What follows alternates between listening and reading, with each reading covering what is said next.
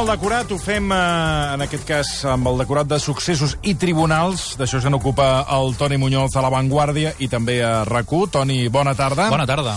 I avui comencem eh, entrant en matèria amb un doble homicidi que es va produir l'any 2009 a Barcelona i que els Mossos d'Esquadra doncs acaben de resoldre. Les víctimes eren un matrimoni de 80 anys que van ser localitzats el 24 d'agost d'aquell any, el 2019, en un pis del barri de la Bordeta, al districte de Sants Montjuïc. La policia catalana va detenir dimarts, Toni, de la setmana passada, a un home com a presumpte autor. A veure, fes una...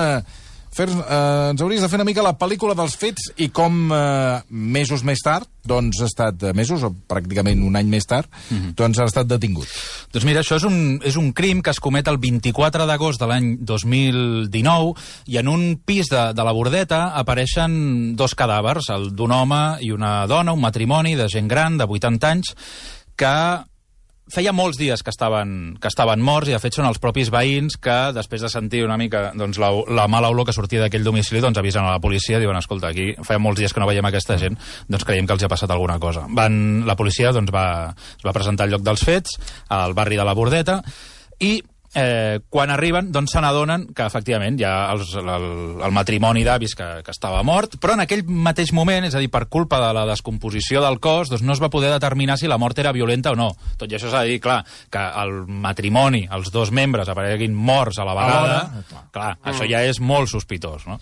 I aleshores, mm, clar, aquí sempre es van obrir diverses hipòtesis, la primera, no?, que a vegades també passa, doncs que un mata l'altre i després se suïcida, no? Però allà no hi havia elements que permetessin fer o apuntalar aquesta tesi perquè havien desaparegut algunes coses de, del, del pis i després tampoc es va trobar l'arma del crim, no? I aleshores, a partir d'aquí és quan tot entra en una nebulosa una mica estranya, un gran interrogant de saber què és el que els havia passat a aquesta, a aquesta parella d'avis, no? Aleshores comencen a, a investigar, eh, sobre una investigació. Recordo que en aquells, en aquells moments es parlava molt i els periodistes estàvem preguntant insistentment de dir, escolta, però, però què ha passat aquí, no? És a dir, no, no et confirmaven exactament què és el que havia passat, després van fer l'autòpsia i van confirmar que la mort era violenta, com ja tots esperàvem, i una mort molt violenta, cadascú li havien clavat 15 ganivetades. Jesús. Val? Per tant, ja es descartava el tema de, de la Sí, violència clar. masclista i s'apuntava doncs, que en l'escena del crim hi havia participat, o en el crim hi havia participat una tercera I la porta persona. del pis estava oberta o trencada. La porta del pis no estava forçada, no estava forçada. Per tant, com ja hem explicat alguna vegada, doncs era alguna persona que els coneixia. Mm. Eh, clar, aquí eh, es va començar a investigar, es va parlar amb el fill del matrimoni, que no tenia una relació molt, molt estreta doncs, amb, mm. amb ells, i ell és qui situa el que després seria el presumpte autor dels fets en, en aquest entorn. Es veu que aquesta parella d'avis s'havien fet o havien agafat confiança amb un venedor de, eh, de material ortopèdic un comercial, sí, sí, no? que una- venen faixes o venen coses Bueno, d'aquestes. Sí, sí, eh, una botiga Tot, tot, ortopèdica tot, sí. que, hi ha, que hi, ha de, hi ha de tot. El senyor Marcelí que ho, I, ho, té tota, tota, tota la col·lecció. Tinc tot, una, tot, tot, tot, i, ho tinc tot, i hasta faig exposicions dels que ja no em van bé, diguéssim, jo faig una exposició. I S'havien fet amics de... museu. de Sí, de, era un comercial i un senyor doncs, que de tant en tant els visitava a casa per intentar vendre'ls alguna mena, algun producte Sí, sí, or- ortopèdic, no? Clar, eh, això ja seria, no? ja situarien dins d'aquest entorn. Doncs ha anat passant el temps, des d'aquell 24 d'agost del 2019, un cop van anar trobant noves proves, fins que al final es van anar estrenyent el cercle fins a que els Mossos la setmana passada van detenir aquest veí de Sant Antoni de Vilamajor, al, al Vallès, que es diu Marcos, que té 51 anys i que el van detenir com a presumpte autor d'aquest doble crim. Aquesta persona tenia antecedents ja per estafa, per estafa a gent gran, ja feia el mateix, diguéssim, el mateix mètode d'apropar-se a la gent gran, eh, agafar agafar-los confiança, que no sospitessin d'ells, i aleshores aprofitar, quan es presentava a casa seva, doncs, per acabar de robar les seves pertinences, objectes de valor, tot el que trobava per allà. Una mica, abans ho parlàvem amb, amb l'Anna Ponsí, la companya de la cadena SER, ella explicava que era una mica el mètode de l'estafa que fan els estafadors del gas, dels revisors, els falsos revisors del gas, no? que Que venen a es, casa... es guanyen la confiança, no? Exacte, es guanyen la confiança, et tracten molt bé, i ells, mentre es diuen que han de penjar una etiqueta o de revisar la caldera Ja. o el que sigui, van passejant per tot el pis buscant quins objectes de valor els interessen i després els acaben, eh, s'ho acaben emportant. No? Doncs sembla ser que aquesta hauria estat el mòbil del crim, intentar robar, i aquí la gran incògnita és saber si aquesta persona va acabar amb la vida d'aquestes dues mm, persones d'aquest matrimoni perquè es va sentir sorprès, perquè el van enxampar robant i aleshores va voler acabar amb elles perquè no el delatessin, o si per robar abans va acabar amb la seva vida i els mato i després m'emporto tots els objectes I, de I valor. això ell no ho ha explicat. Això no ho ha explicat, ell no ha confessat, quan el van detenir la setmana passada, ell ha guardat silenci de moment, diu que, bueno, en fi, no, no, no, no ha dit res, i la gran hipòtesi, bueno, la gran incògnita és aquesta, no? Saber què és el, és Però el se que sap el, el motiu de... O sigui, que era un robatori. Un robatori, sí, sí. I, de fet, a, les, a casa seva, en aquest domicili de Sant Antoni de Vilamajor, van trobar pertinences d'aquests dos avis. Bé, anem amb un altre d'aquests casos que, que semblen impossibles. Eh, anem fins a l'aeroport del Prat, on la Policia Nacional ha detingut tres persones quan intentaven introduir, atenció, 399 tre- que es diu aviat, eh? 399 paquets de haixix des del Marroc eh, que amagaven. La pregunta és, eh, Toni Muñoz, on ho amagaven? Exacte, on? Doncs Jo també ho el, seu, pensant. el seu propi organisme. Són el que es coneixen com a mules, no? que són persones que s'empassen els paquets de droga per transportar-los No, d'un país a estem un parlant altre. de 399. Sí, sí, no, no, és una barbaritat. Home, per això. Això, mira... Els El... 399 repartits entre els tres. Sí, i ara et diré les xifres perquè quedaràs eh, A esturat. cent i eh? escaig, no? Sí, Sí, són, el primer, mira, és un veí de, de Vilanova i la Geltrú que viatjava des del Marroc eh, i eh, venia de Tànger i el van trobar a la Terminal 1 amb, un, amb signes de nerviosisme, estava molt nerviós, això sempre passa, no? que la gent quan transporta aquest tipus de mercaderia i la porta al seu organisme, doncs per la pròpia reacció que et provoca en el cos, més després el nervis de traspassar i de creuar aquesta frontera, doncs la gent està molt, molt neguitosa i aquest és un dels símptomes que, que veuen la policia per intentar detenir-los. Aquesta primera persona, aquest veí de Vilanova i la Geltrú, portava 127 cilindres de xix precintats a l'estómac. 127. Un Però total de... l'estómac a dins o fora? A dins de l'estómac. Clar. No, se- se'ls Clar, no, no, a dins, no? se'ls van passar.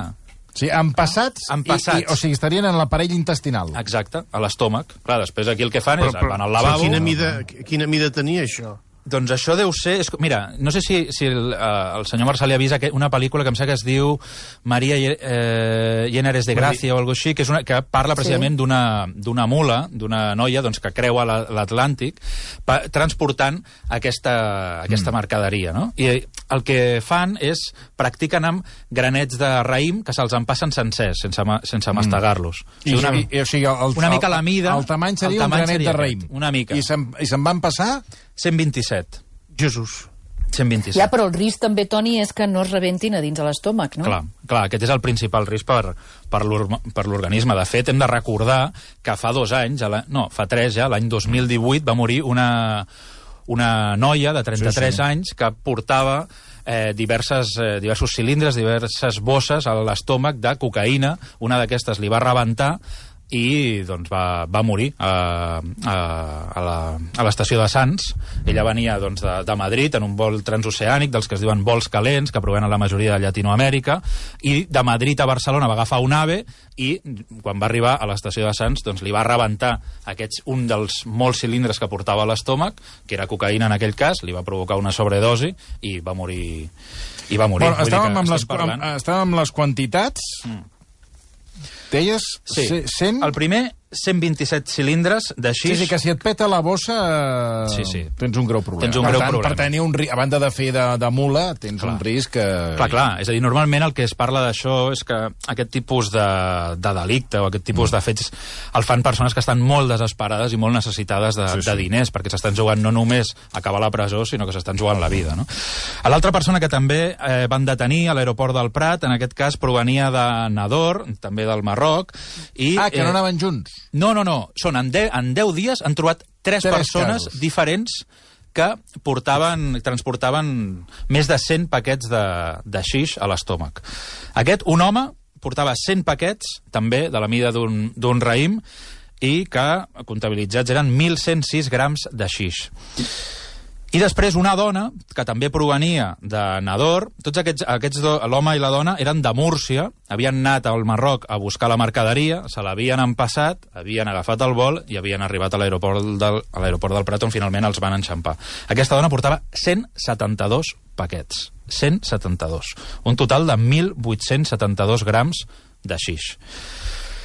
Eh, els van sorprendre, una de les coses que explica, que explica la, la policia és que més enllà del, del nerviosisme, mm. el que també es fixen és durant el vol quin és el comportament de certs passatgers. Normalment això es fa en els, en els vols eh, calents, sobretot que venen mm. els transoceànics, no? Per qui s'hi fixa? Que va policia dins el vol? O què? No, però les, asa- les asafates, les hostesses, perdona, el que és la gent de la tripulació, van mirant els passatgers. Clar, Ah, sí? Ho, di- i, ho diuen? Clar. T'ho imagina't que hi ha una Home, persona, clar, veure, una, una persona eh, que durant 10 hores de vol Perdona, eh, però mica xivatos. Bueno, una persona que durant 10 hores de, de vol, per exemple, no menja res i només beu aigua. O no va al lavabo en, en tot el vol. Això ja és sospitós. Després, un cop arriben aquí, més enllà de les, de les sospites que pugui tenir la policia per l'aparença, per una persona que, està, que sua molt, que està molt nerviosa, tot això, després miren també com va vestida. No? Perquè moltes vegades el que fan és vesteixen una mena d'un traje, no? de, amb traje i corbata, Sí, sí. però aquella persona potser té les mans plenes de callos, de treballar al camp, mm. o plenes de durícies, mm. no? I clar, que no s'adiu amb, amb la vestimenta que porta. Mm. I aleshores ho, ho fan per passar desapercebut, però a vegades les mans els acaben delatant, no? I és un... Bé, és una, són gent molt desesperada que, que accepten jugar-se-la d'aquesta manera.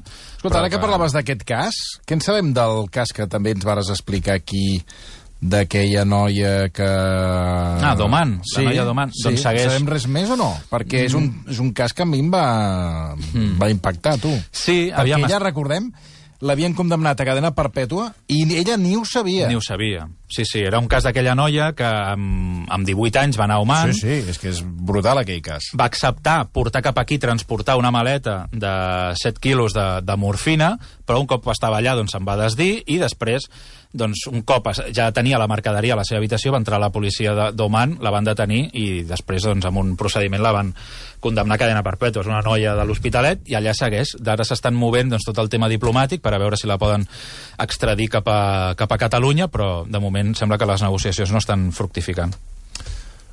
Molt bé, doncs escolta, eh, ho deixaríem aquí, Toni. Deixem aquí? Uh, sí, ho deixem aquí. Moltíssimes gràcies. A vosaltres. 3 minuts i les 6.